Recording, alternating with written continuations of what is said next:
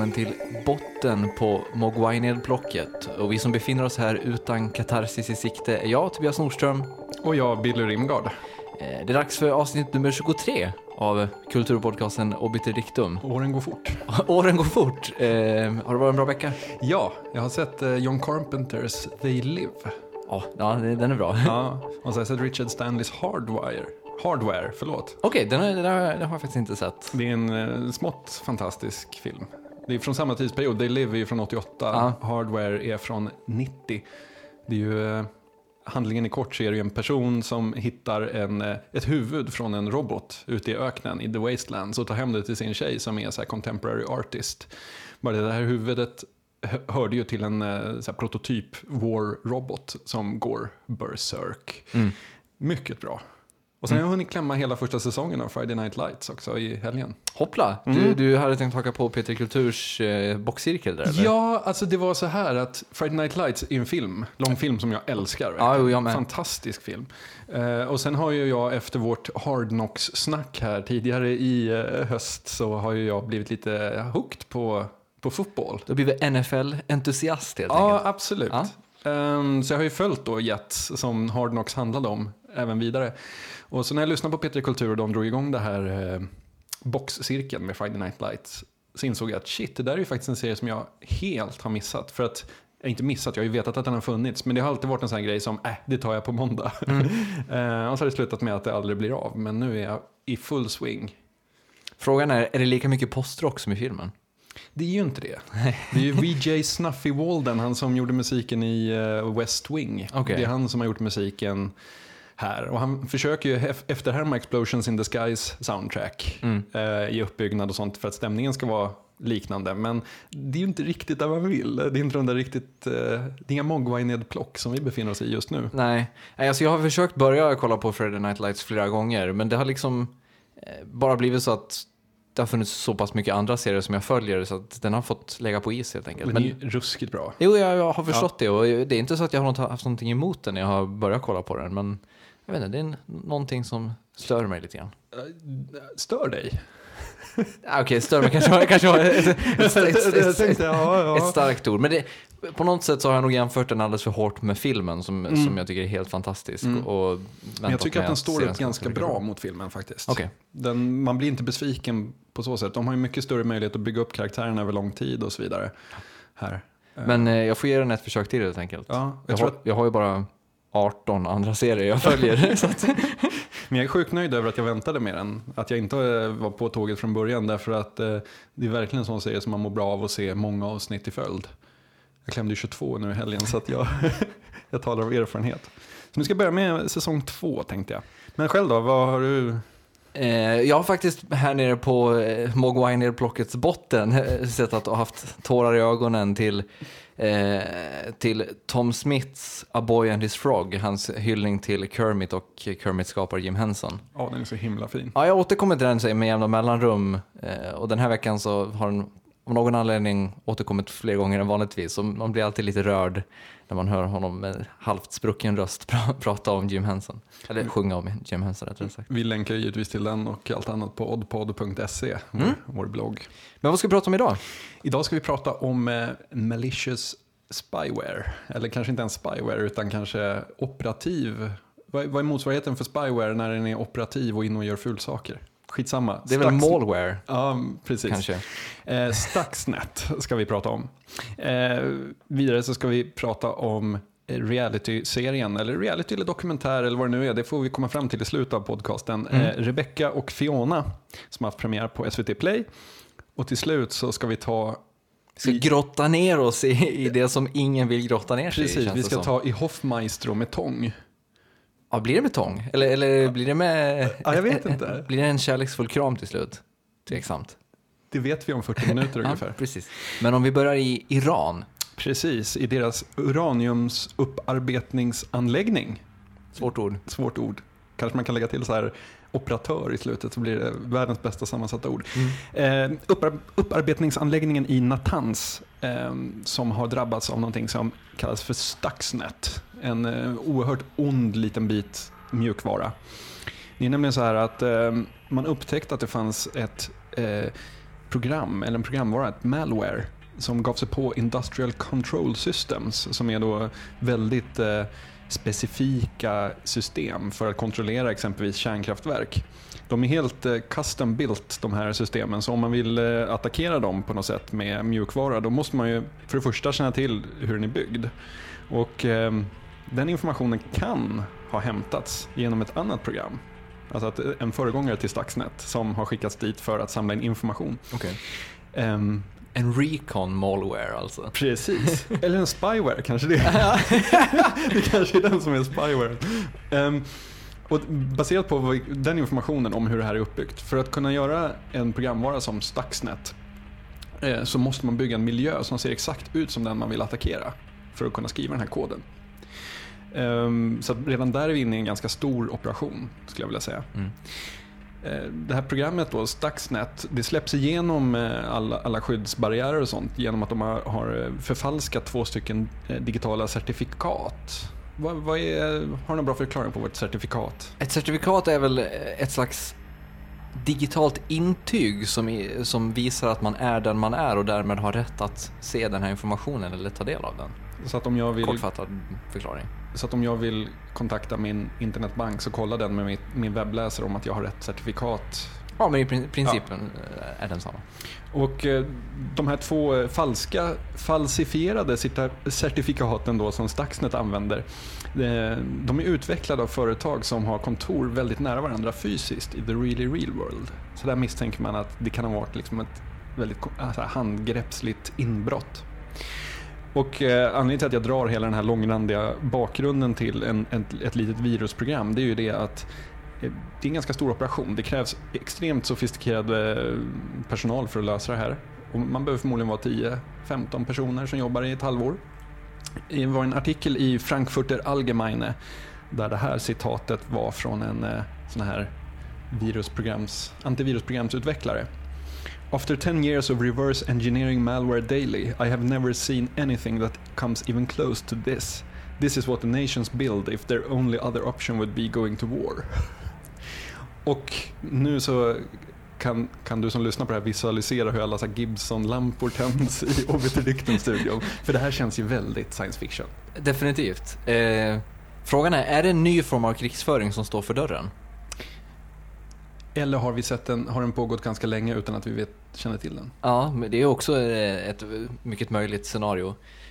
Jag välkomnar det definitivt. Jag med, helt klart. Eh, dels för att vi byter ut sådana här snyftarhistorier som eh, ja, en amerikansk Apache-helikopter som skjuter ihjäl massa civila och istället får eh, nyheter om hur den nya masken tar sig, tar sig in mm. någonstans. Bara, bara en sån sak gör, gör ju att man blir intresserad. Ja, minst sagt. Verkligen. Eh, och jag önskar verkligen att jag hade den tekniska kunskapen för att förstå Stuxnet in på någon slags ja, mikronivå. Ja, definitivt. kanske ska göra ett utkast till ett manus om en film när de utvecklar den här masken. Jävligt tråkigt manus kanske. men, men, Massa folk sitter och programmerar. Ja. Men finns det några belägg för, att, för vem som ska kunna utveckla det här? Nej. Det är ju bara spekulationer eller? Israel eller USA är väl de stora eh, ja, de man misstänker i och med att det är så eh, det är inriktat på Irans anläggningar, mm. ganska tydligt. Och eh, ja, då drar många slutsatsen att det är bara Israel och USA som har de här resurserna. Jag vill gärna tro att det är Israel, för att de har en ganska stolt så här, hackertradition. Eh, och det är bra mycket coolare om Israel gör ur en ren här, cyberpunk Fast det är samtidigt sjukt häftigt om det är en 15-årig amerikan med, med, med ett patriotiskt hjärta som har gjort det ah, all by himself. Eller hur du menar, menar att det inte är en sån government sanction? Det är en lone gunman som, har, som ah, har gjort det här. Ah, I like it. Ja. I like it. Och sen har planerat att på något sätt föra informationen vidare till, eh, ja, till USAs militärmakt. Jag tänker med filmen Pi. Ja, ungefär. Ja, men ungefär. Ja. Det är någon som har snubblat över någonting ja, helt enkelt. Precis. Eh, jag är helt med på det, absolut. Men om det måste vara liksom en, en black op från en ja. government så tycker jag att det är coolare om det är Israel faktiskt. Definitivt. Mm. Eh, och det, det intressanta som det här sätter i, i gång när man tänker på det, det är ju lite det här att vi har ju eh, många som är advocates för ett fritt internet. Mm. Jag, jag tänker Wikileaks, jag tänker ja, men hela den så kallade piratrörelsen ehm, av olika aktörer som, som många vill ha det här öppna, fria som det har varit. Och det intressanta här tycker jag är, om man nu ska ha ett fritt internet och allt ska vara öppet. I, eh, om, om vi plockar ner från världspolitisk nivå till vardaglig eh, piracy-nivå. Har inte liksom IFP och RIAA och dem, eh, när de har tagit till så här ful spel så har det liksom många ja, varit upprörda över det. Infiltration och etc. Precis. På. Mm. Um, men har inte de rätt att göra det i ett öppet internet där vi sitter på IRC-kanaler och på FTP-servrar och stängda torrent-trackers? Ja, alltså på ett sätt så håller jag definitivt med. Eh, därför att, alltså på något, ja, det är väl klart att de har det. Vi, vi kör ju med fullknepen, så varför ska inte de få köra med fullknepen? Jag kommer använda vi och dem nu. eh, eftersom att det känns som att Obedictum starkare identifierar sig med, med, med, med viet än med domet, så att säga. ja, eh, ja. Ja, eh, men samtidigt så finns det här något slags mått av ja, men att, att, att det är ju vi som är aktivisterna, eller vad man ska säga. Alltså, Förstår du vad jag menar? Det är vi som är eh, graffitiartisterna. Och om man på något sätt legitimiserar det, det, det man håller på med genom att säga att jo, men det, det här är öppna kort, eh, allt går. Eh, då tar man på något sätt också udden av hela den grejen. Alltså det är ungefär som när ett reklambolag gör någon slags graffiti-kampanj för en produkt eller någonting. Ja, fast det är inte snarare att SL anställer typ Baltic Inkasso som spöar graffitimålarna istället för att väktarbolag som liksom lagför dem. I och för sig kan man väl argumentera för att väktarbolagen också spöar snarare än lagför. Men Ja, men samtidigt då, då, då blir det ändå på något, eh, på något eh, mer så här överförmy, överförmyndarmedel eller vad man ska säga. Mm. Eh, det, det, vad ska man säga, själva underground-grejen med, med graffiti eller med att hacka och sånt finns fortfarande kvar. Om det däremot är, om, det, om själva hackningen däremot blir någonting som stora regeringar ägnar sig åt eh, så, så blir det liksom mer legitimt eller det blir i alla fall någonting mer rumsrent i det avseendet. Och det behöver inte vara alltså då menar jag inte att, att Pentagon har någon hemlig liten division som sitter och hackar eh, Kina, för det antar jag att de redan har. Ja. Det, någon sån undercover-grej känns ganska okej. Det är mer när sådana operationer börjar dri- bedrivas i dagsljus som det känns, börjar kännas tråkigt på något sätt. Men jag tänker, sommaren 2007 så var det en videodelartjänst som hette Mivi.com. Ehm, Den sattes upp av ett företag som var ett dotterbolag till några som heter Media Defender. Som jobbar för de här ja, upphovsrättslobbyn helt enkelt. Ehm, och glada nya användare då som registrerade sig på Mivi.com, de fick Media Defenders egen torrent-klient installerad. Och det programmet det liksom kollade om du hade någon upphovsrättsskyddad material på din dator och så ringde den hem och skvallrade eh, om det. Men bara några månader sen, senare så, så hackades Media Defender och det läckte 6000 e-mail eh, från en anställds konto. Och det avslöjade betydligt mer spektakulära saker än det där. Alltså att de, de spammade torrentsajter med, med felaktiga torrents, de spred rippade filmer som förstörde kodex i datorn och höll på med sånt där. Och grejen är så här att jag, alltså om vi bortser från, nu är de så här, vi, vi ska förmodas vara deras kunder.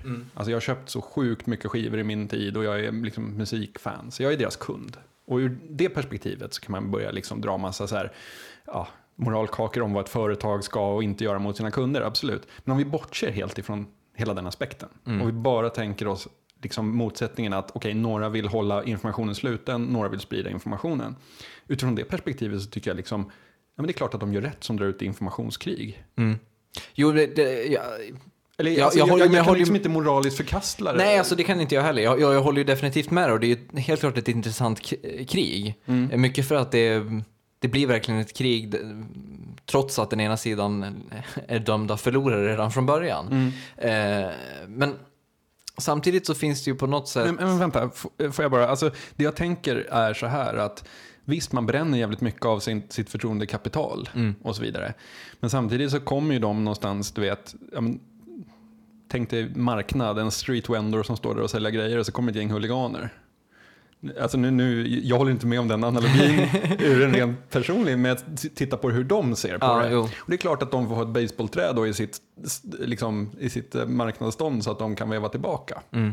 Alltså ur en ren så här internetfilosofisk synvinkel. Men samtidigt finns det ju här ett mått av att, eh, av att de som, om vi nu håller oss kortfattat till upphovsrättsgrejer, eh, så, så är det ju så, så är ju det liksom någon slags kulturell utveckling också. Alltså att man, Eh, när man lär sig att konsumera kultur på det sättet så ändrar du ju, ja, vad ska vi säga, du ändrar ju konsumenternas uppfattning om hur kulturen bör konsumeras.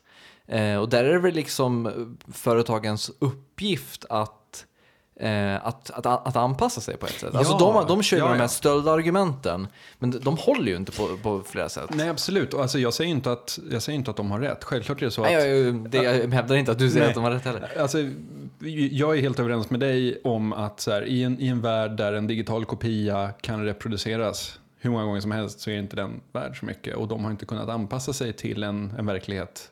Men det, och det jag menar är liksom att du, det du bekämpar genom att på något sätt börja hacka folk som eh, sitter och laddar ner musik eller sådana saker. Det du bekämpar då är ju... ehm, det du bekämpar är liksom en rörelse eller en kultur snarare än... eh, det, det, det finns liksom någon skillnad här mellan hackerkulturen och, eh, och, och vanliga människor som tycker om att ladda ner tv-serieavsnitt. Ja, absolut. Men jag tror vi pratar lite om olika saker här. Okej. För jag tänker så att man skalar bort alla de värderingarna och liksom ser det ur, ur deras synvinkel. Jag menar, hackers håller ju på och så här dedosar eh, olika sajter och sånt Mm. eh, till höger och vänster och, och hackar och saboterar och ja, saboterar är ett värdeladdat ord, men hackar gör de ju och tar e-mails och publicerar och så vidare. Ehm, och jag menar att i, ur en ren så här, ja, vi mot dem, eh, i, ett vi mot dem-läge, Mm. så tycker jag så att jag har svårt att uppröras när de gör samma sak tillbaka. Jo, alltså jag upprörs nog inte heller. Men finns det samtidigt inte ett mått av att den sidan, de ska liksom stå för de här, de här rätta värderingarna? Jo, precis. Förstår jag menar? Att, att, det, Precis. att det för dem, de representerar en, en, en ståndpunkt som hävdar att det, det de här personerna håller på med är fel. Ja, Och då när man själv ägnar sig åt det så blir det lite hyckleri på något sätt. ja Det finns, det finns ett väldigt illustrerande exempel med Ubisoft som, eh, jag tror det var två år sedan eller någonting, hade väldigt stora problem med Rainbow Six Vegas 2, sitt spel. Det var, problemet var att de personer som hade köpt spelet i butik eh, fick upp en hel del sådana här no-CD meddelanden när de försökte spela spelet. Alltså Mm. då helt enkelt sätta in CD-skivan. Mm. Vilket ju är ett klassiskt meddelande man får om man inte har crackat sitt spel. Ja. Eh, men eftersom att det då var betalande människor som fick de, de här problemen så var ju Ubisoft tvungen att eh, släppa någon form av fix för det här. Eh, och då, det blev ju bråttom här helt plötsligt då. Så att det de gjorde var att de släppte en ny exe-fil till, till de som hade betalat så det var bara att uppgradera och sen köra. Och det funkar jättebra. Mm. Eh, problemet var att efter några dagar så var det någon påpasslig pirat, antar jag var, eh, som kollade igenom den här exe-filen för att se men hur lyckades de sy ihop det här så fort? Och såg då att det var precis samma crackfil som eh, scengruppen Reloaded hade, hade lagt med i sin eh, scenrelease. Eh, så att, Classy. ja, precis. Så att på något sätt så blev det ju att Ubisoft stal exe-filen från de som hade stulit spelet från början. Ja. Eller förstår jag jag Ja, menar? det, det är väldigt ironiskt att man är, och väldigt ironiskt också att Ubisoft inte hade möjligheten att kolla igenom exe-filen Ja. för taggar och Eller sånt. hur? Nej, men det, jag, alltså, det finns ju många exempel på, det var ju bara veckan så skickade Sony ut en patch till Playstation 3 eh, att den måste uppgraderas. Och de som gjorde det, då slutade så här mängder av tredjepartstillverkade eh, handkontroller och sånt att fungera. Mm. Även de som var licensierade och rätta. Liksom. Alltså, Okej. Den här patchen skulle stoppa de som inte hade rätta tillverkare. Men helt plötsligt slutade alla handkontroller utan Sonys egna att funka. Mm. Och grejen är att biter man sig i svansen så, jag menar det, det gick ju rykten om förut att RIAA hade gjort ett virus som besinningslöst rensade MP3-or. Och jag menar det är klart, fan skulle så här typ all musik vi har gjort och använder här i Obiter Dictum, om Mm. den skulle plötsligt raderas för att Prince ska få en miljon till. Alltså, Prince okej. får ju inte en miljon till heller om vi raderar våra mp3-or. Nej. Nej men alltså sådana grejer, absolut. Det, Mm. det är inte okej. Nej. Framförallt inte av multinationella företag som ska stå för det här att man ska betala för sig och bla bla bla. Men fortfarande så tycker jag, alltså när jag tittar på det du vet, objektivt och bara Mm. skalar bort mina egna värderingar, men det är klart att de liksom försöker, ja, men som det här med att sätta upp egna torrentsajter och se vilka som går in och går igenom deras datorer. Alltså på något sätt så är det ju ändå så här att även när jag signar upp för trackers alltså som man vet är legit, så fattar jag ju ändå att jag lägger min mailadress och liksom min historik i händerna på någon som jag inte vet vad, vad han kommer göra med det. Jo, jo, men finns det liksom inte ett mått här, här av att eh, ja, men av, att, av att, att du ägnar sig åt den här formen av cyberterrorism själv. Eh, alltså när man är den som egentligen eh, förespråkar, eller som pratar mot det. Eh, alltså du tappar ju på något sätt legitimitet i, i, din, i din kamp för det som är rätt, eller vad man ska säga. Eller? Ja, men då är vi tillbaka i Stuxnet. Ja, jo. Alltså, eh, jag menar, folk torskar till höger och vänster när de försöker hacka NASA och det ena med det tredje. Men sen helt plötsligt då så kommer en, en av de mest sofistikerade liksom malwares som har skrivits och liksom kommer från något av länderna som inte gillar Iran. Mm. Eh, Så att jag menar, det, ja, När jag läser om Stuxnet, jag tänker ju på den här uh, Corrupted Blood Incident i, World of Warcraft. Eh, som var en sån här, uh, vad heter det, helt, eh, det var en, ett problem som uppstod som man absolut inte hade räknat med när man släppte en uppdatering. Eh, där det då fanns en ny instans som heter Sulugu, Sulgurub, heter den. Eh, och där fanns det en ny boss som heter Hakar. Och, och grejen var att när man attackerade den här Hakar så kunde man få en, en form av pest som kallas då för corrupted blood.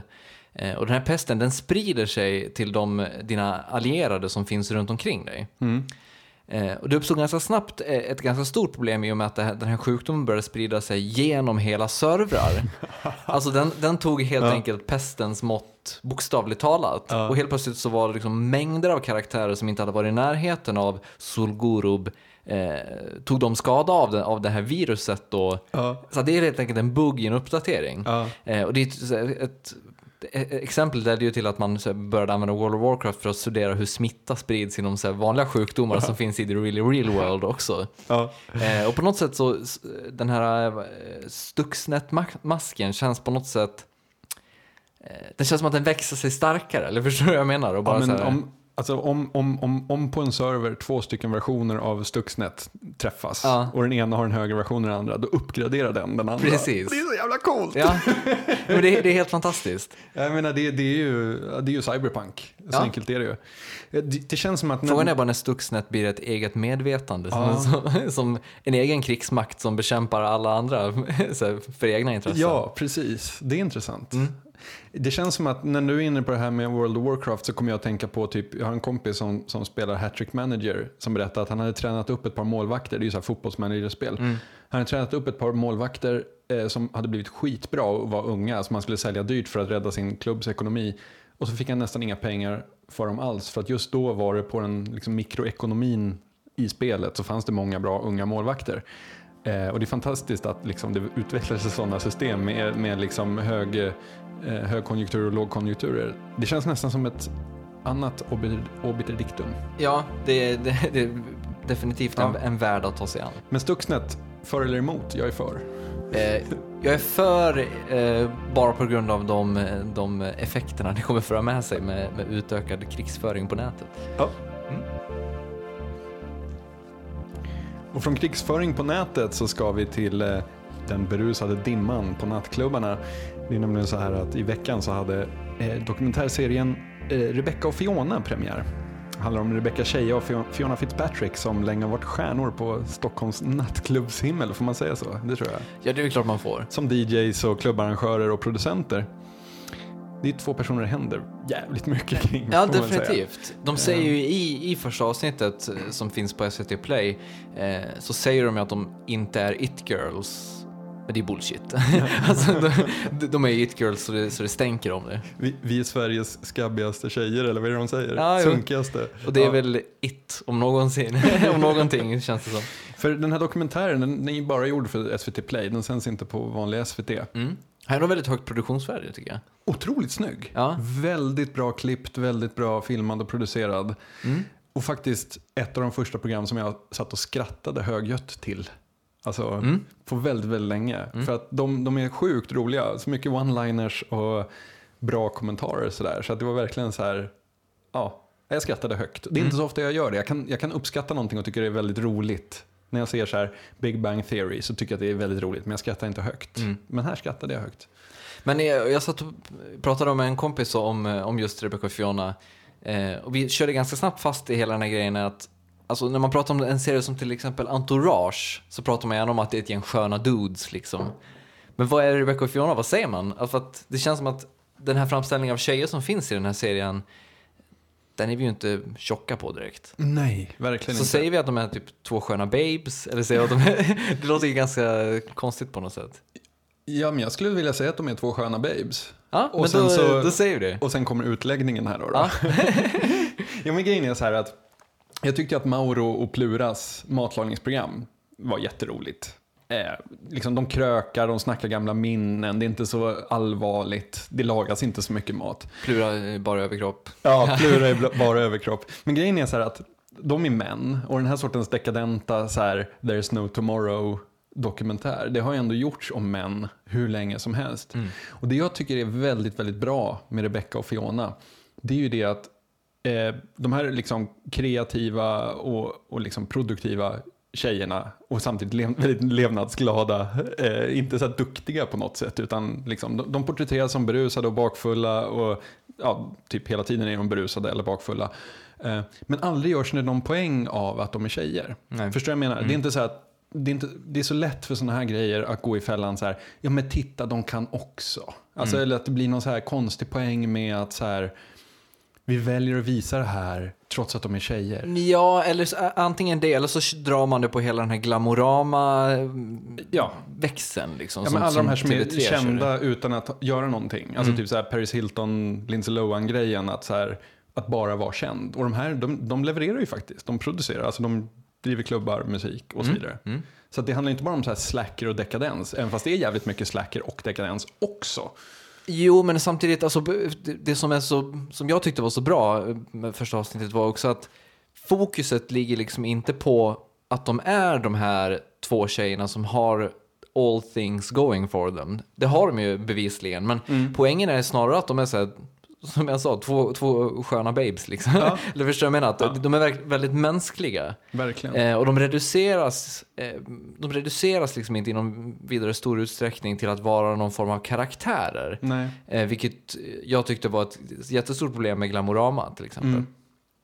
Jo men för när vi säger sköna babes nu, då, vi, vi, då säger vi det på samma sätt som vi säger att Mauro och Plura är så här sköna gubbs Ja. när de står och lagar mat. Precis. eh, alltså att, att Ja men de är ju sjukt coola. ja, Man vill ju, alltså det är ju... Det, Ja, men det är en coolness-nivå man själv bara kan liksom se i kikaren. Precis, Typ. det, det är de kompisarna man vill ha. Ja, verkligen. verkligen. Eh, och det finns en väldigt fin, jag tycker det är väldigt fint när de har haft releasefest och de intervjuar några ute i Kungsträdgården i Ölbergsgille park efteråt. Mm. Eh, och det står snubbar där som försöker typ intellektualisera dem om varför de beundrar dem så mycket. Så här, att, eh, ja, det är väldigt spännande det här att de är både socialister och så ytliga.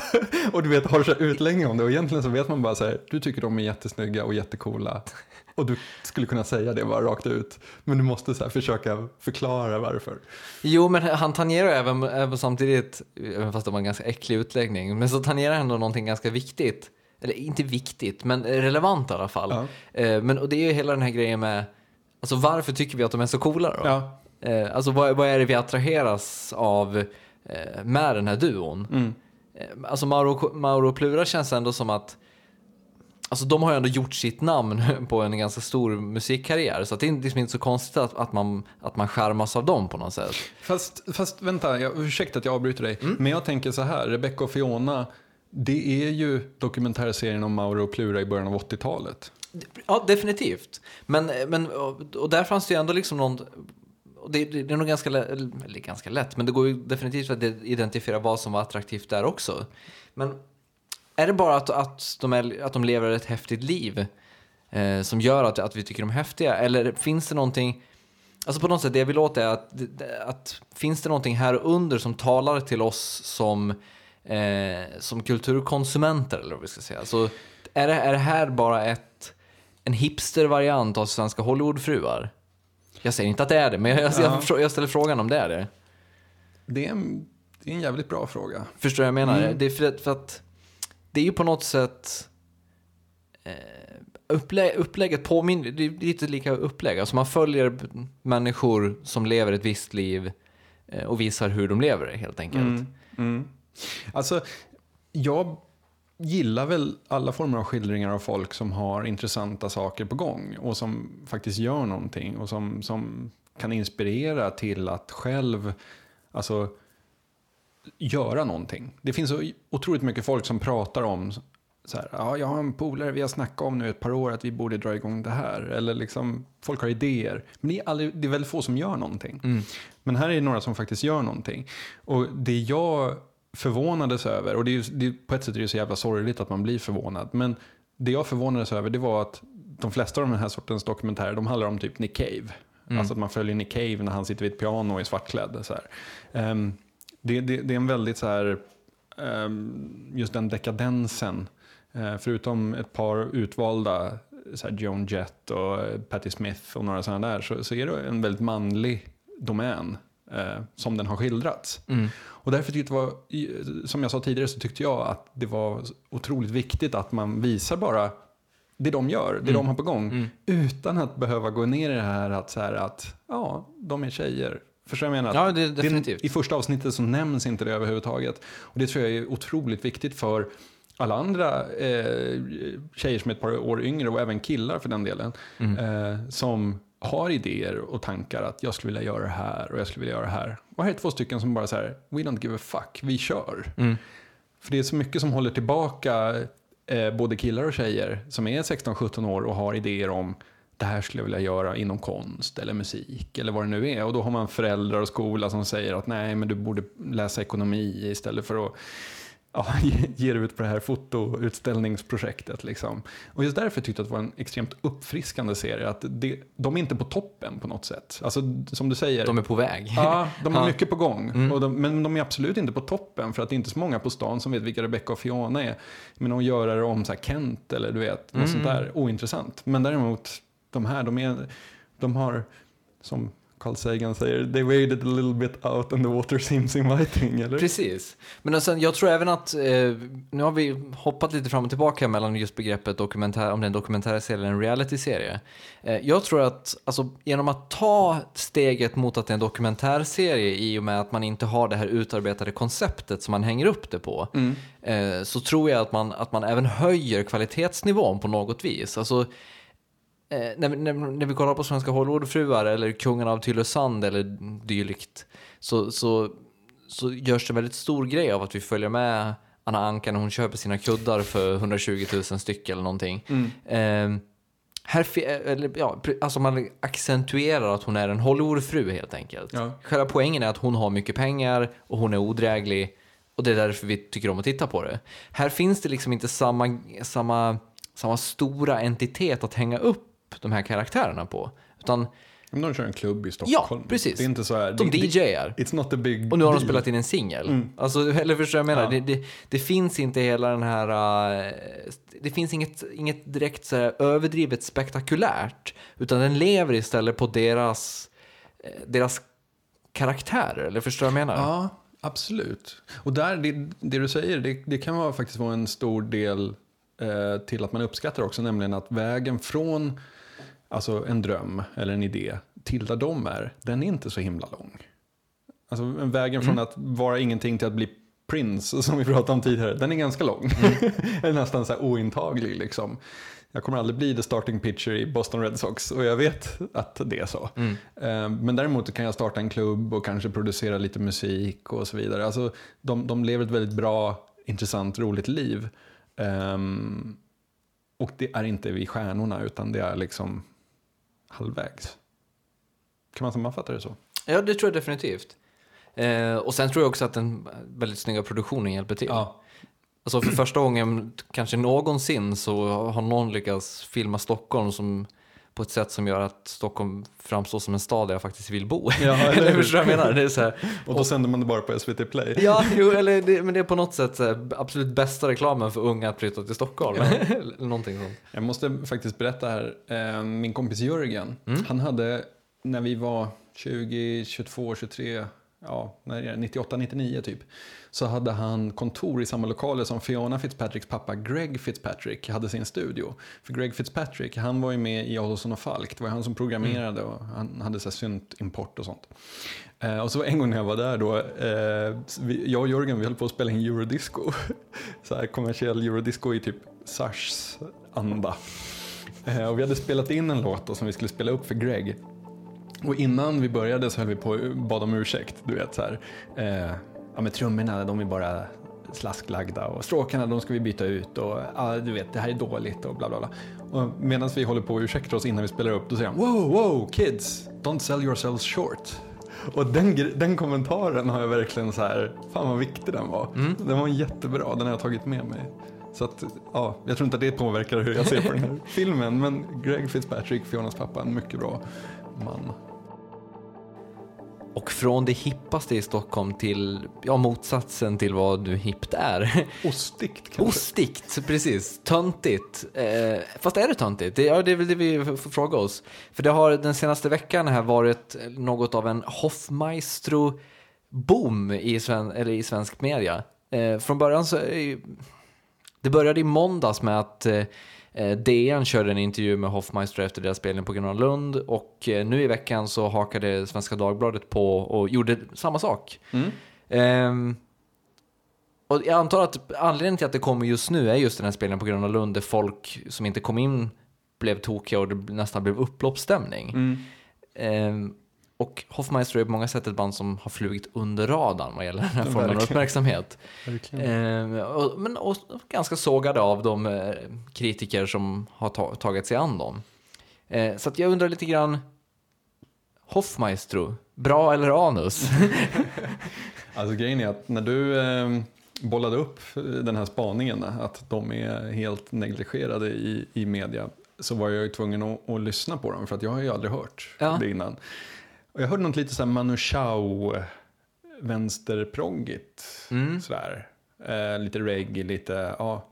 Jag tror att alltså, betoningen är lite fest. Alltså, ja. det, de själva verkar vara väldigt mycket inne på att jo, men det här är schysst partymusik. Ja. Det, jag vet inte, det känns, känns inte det lite ofräscht att 2010 göra partymusik? Alltså, just schysst partymusik är ju faktiskt en genre som är negligerad och undanskymd i kulturrapporteringen överhuvudtaget. Jag skulle tippa att de mest spelade låtarna i Sverige under ett år är säkert är typ så här Oa hela natten och Sommartider och någon Thomas Ledin-hit. Och de funkar ju jättebra på studentskivan eller i Borgholms slottsruin men de funkar kanske inte jättebra i liksom, musikjournalisttexter, om du förstår vad jag menar. Mm. Men om Hoffmaestro nu bevisligen är stora, för det är de ju mm. bevisligen. Du fyller ju inte Gröna Lund så att folk blir arga när de inte kommer in om du inte har en stor publik. Nej.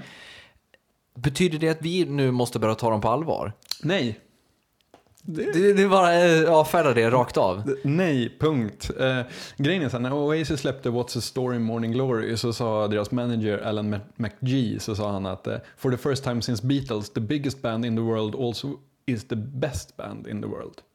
Och nu kan man ju diskutera om Oasis verkligen var biggest band in the world vid det tillfället, men, mm. men han har ju en poäng där. Det är väldigt sällan som de där två sammanfaller. Mm. Eh, det, liksom, jag tycker att kulturjournalistiken, eller liksom även nöjesjournalistiken, så att säga, det, det, ska bevaka det som är intressant och bäst, inte det som är störst. Jag, jag ser lite samma sak som så Nobelpriset. Du vet, folk som säger att Astrid Lindgren ska ha det. Mm. Men Astrid Lindgren har skänkt mer glädje och läsvärde liksom, än alla de andra Nobelpristagarna tillsammans kanske, om man liksom ser hur många som har läst henne och uppskattar henne. Men Nobelprisets premisser är ju att den ska belöna ett författarskap som är intressant, nyskapande, konstnärligt, bla bla bla. Och där passar inte hon in. Förstår du vad jag menar? Jag är definitivt med.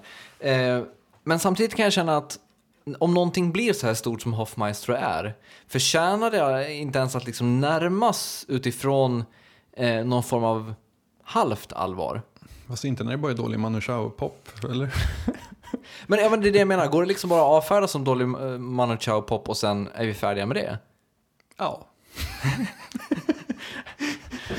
nu är vi inne på musikjournalistik, det är ett kategoriskt ämne för mig. Okej, okay, men, men om vi, drar, eh, vi gör en analogi. Ja, men, eh, så här då, det finns ju extremt många artister från, eller extremt många, okej, okay, det kanske var en hyperbol, men det finns säkert ett dussintal artister från Mellanöstern och Latinamerika som säljer ut Globen så tre dagar i rad. Mm. Och ingen har en aning om att de ens spelar där för artist, liksom, affischerna sitter i Bredäng, och Rinkeby och Alby. Mm. Ehm, men ändå kan de komma hit och göra så här bejublade spelningar. Men som jag ser det så är det liksom Latinamerikas och Mellanösterns Thomas Ledin, alltså inte särskilt intressanta. Ge mig istället någon så här cool hiphopgrupp från Beirut så kan vi prata eh, liksom, reportage. Mm, jag förstår precis vad du menar. Eh, men om vi gör en kort analogi. Mm. Om vi jämför till exempel då Hoffmaestro mot, eh, vad ska vi säga? Stig Larsson. Ja, precis. Det är ett bra exempel. Mm. Stig Larsson. Eh, om Stig Larsson säljer miljoner böcker världen över, Mm. förtjänar man, eller blir det då inte på, förr eller senare nödvändigt att diskutera, eh, om inte i alla fall Stig Larsson, så varför hans böcker säljer så bra? Alltså förstår du vad jag menar? Blir det åtminstone inte nödvändigt att diskutera fenomenet Hoffmaestro, även om vi kanske inte estetiskt behöver gå in och dissekera deras musik? Mm. Förstår du vad jag menar? Mm. Jag skulle till exempel älska att läsa en bok om Thomas Ledins publik. Ja, ja, absolut. Det är Jag bara att gå in på hans eh, hemsida och läsa gästboken. Det är Minnen om Ja, Thomas. det är fantastisk läsning. Det- Ja, det finns, det finns guld där. Och det säger vi med ett visst klassförakt i rösten också. Jag ser det med noll klassförakt i Ja, rösten. Jag, jag okej. tycker det är helt fantastiska Ja. historier där. Ja.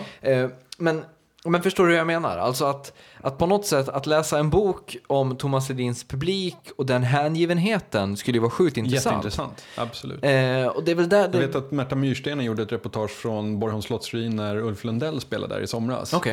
eh, för Petri Kultur som Mm. var jätteroligt. För hon gick runt och pratade, jag höll på att säga jätteroligt och avbröt mig. Det var jättefascinerande. Eh, eller jätteintressant. Inte roligt, för hon gick runt och pratade med folk som så här, du vet, 20 år tidigare hade träffats på en Lundell-spelning och nu hade de fixat så här barnvakt eh, och gick dit igen. Och du vet, alltså det, Men det är fantastiskt. Ja, det var ett jättefint reportage. Hon gjorde det väldigt oironiskt också. Mm. Ehm, och det är klart att den sortens grej, ja. Men Hoffmaestro, jag vet inte hur länge de har funnits eller något sånt där, men när jag ser videorna på YouTube så misstänker jag att det är liksom, ja, jag tror inte den publiken har så himla mycket att komma med nu. Om 20 år kanske. Ja, men vadå, eller vadå? Du menar att de inte har anekdoterna? Jag tror inte att jag tror att det kanske är intressantare att så här, prata med Hoffmaestros publik om Majakovskij. Men alltså går vi liksom inte i, jag menar, går vi inte i Tokyo Hotel-fällan nu? Alltså det, hela den grejen med att vi fattar inte Tokyo Hotel och vi fattar inte Hoffmaestro. Jag tror jag Men- fattar men- men- Hoffmaestro. Ja, jag fattar inte Tokyo Hotel, men jag tror jag fattar Hoffmaestro. jo, men, men, men samtidigt så är det ju, det känns i alla fall som att det är betydligt många fler som har fattat någonting med Hoffmaestro som vi inte har fattat. Eller, för jag vet inte, jag, jag tror att det blir ganska vanskligt att säga att nej, men vi vet sanningen. Och de, de andra personerna har bara inte lyssnat på tillräckligt mycket musik eller, eller någonting sånt. Alltså förstår du vad jag menar? Även om Hoffmaestro kanske håller kvalitetsmässigt ganska ifrågasättbar nivå så, så finns det ändå någonting där eh, som, som gör att väldigt många människor blir intresserade. Ja, men alltså... Ja. Förstår du vad jag menar? Alltså Ja. alla former av kulturrörelser blir ju förr eller senare intressanta oavsett vad... Jag skulle säga senare i det här kring. fallet. Alltså.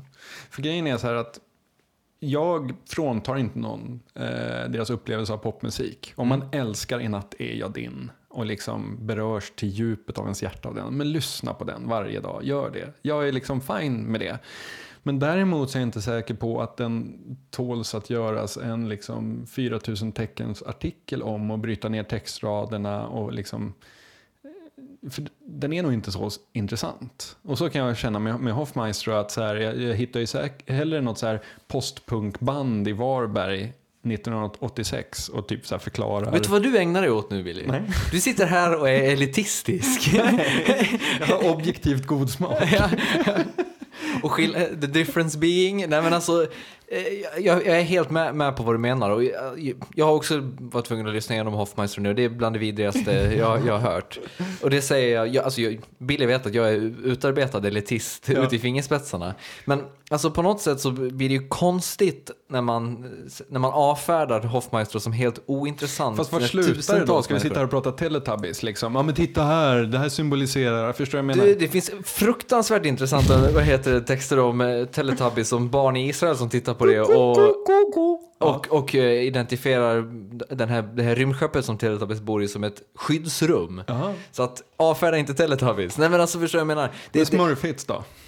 Den har du svårt att problematisera. ja, men det, det är barnmusik. ja, vad är Hoffmeister då? Ja men Hoffmeister är inte barnmusik. Jo, det är klart att det är det.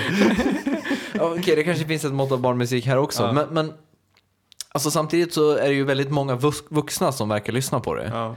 Ehm, och på något sätt, jag vet inte, jag, jag, jag kanske griper efter halmstrån här, men, men jag, Alltså grejen är så här, det, det första jag tänkte på var så här, okej, om man försöker titta på det här objektivt, vad är skillnaden mellan Hoffmeister och Money Brother? mm, Liksom.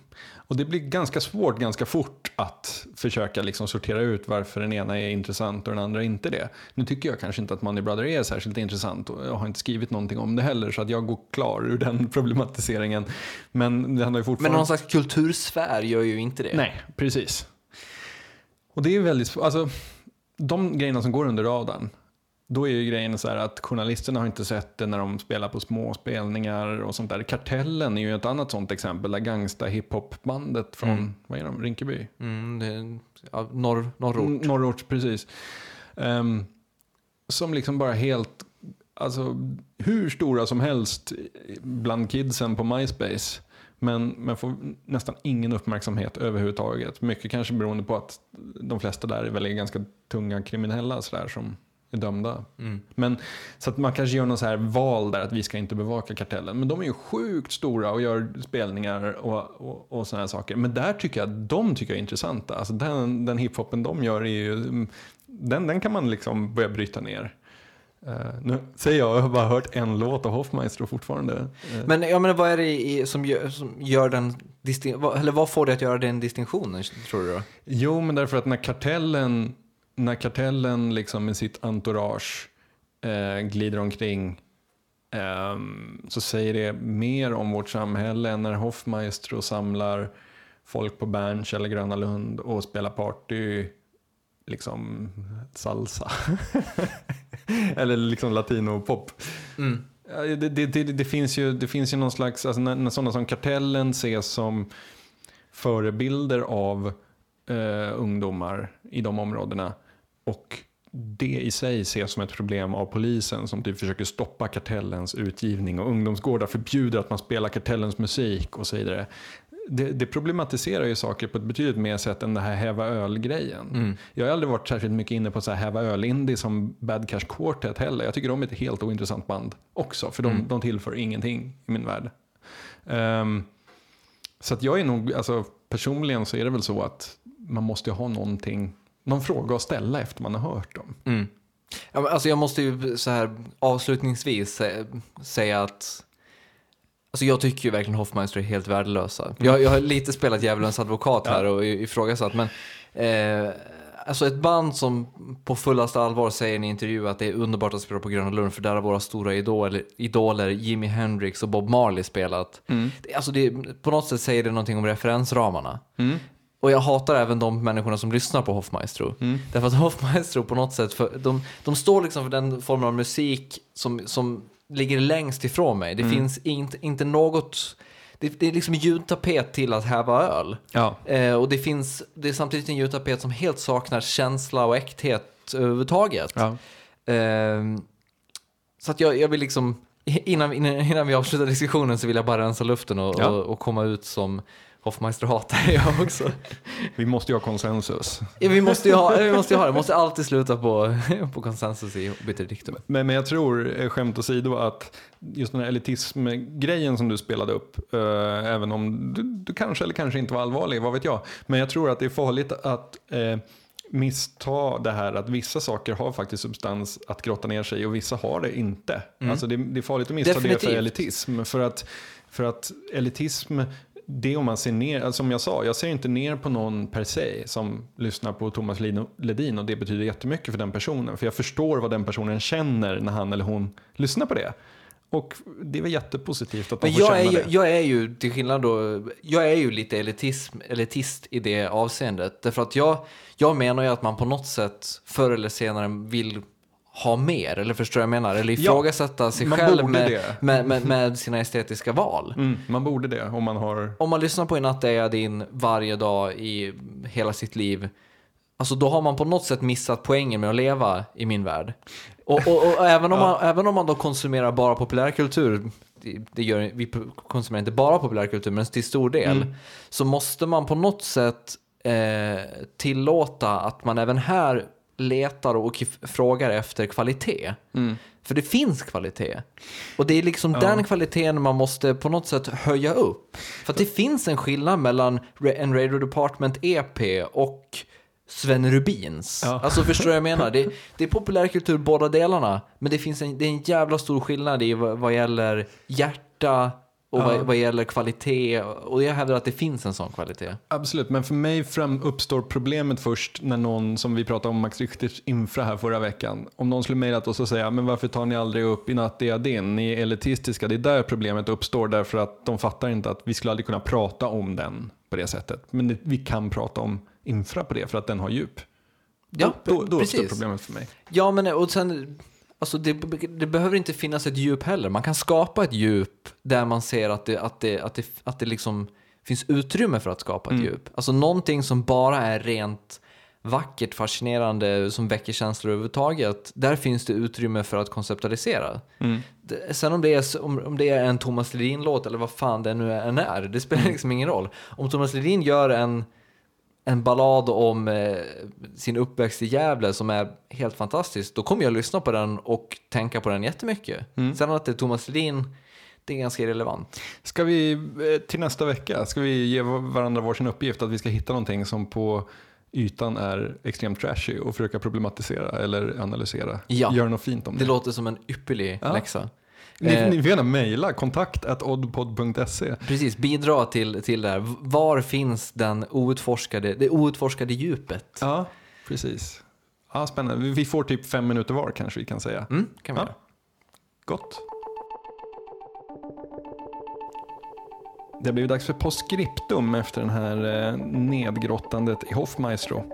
Det kan vi nog behöva tror jag. Jag tänkte börja med att tipsa om en artikel av Adam Rogers som har rubriken What Batman taught me about being a good dad. Och det är en jättefin liten text som handlar om eh, hur han försöker uppfostra sin son i superhjältarnas värderingar och hur hela det här projektet ställs på ända när eh, en av Batmans lierade dör. Så läs den, väldigt fin. Och jag tänkte tipsa om ett Vimeo-konto av en kille som heter Jeff Altman. Eh, och han har då hittat en mängd gamla filmrensor från eh, sin farfar eller morfar, jag är lite osäker på vad det är, från sent 50-tal. Eh, och det är då Kodachrome filmrensor som han har lagt in på Vimeo och ja, musik lagt på ett fint sätt. Vissa är fina, vissa är bara helt fantastiska i sin färg och sin lyster. Och med det så tackar vi för oss här idag på eh, Obiter Dictum. Och som sagt, oddpod.se är vår blogg. Tipsa oss nu inför nästa vecka. Så. Och mejla oss på kontakt oddpod.se alternativt twittra oss på oddpodcast Att oddpodcast. at oddpodcast. Ja, det blir bra. Tack för idag. Hej Tack så mycket.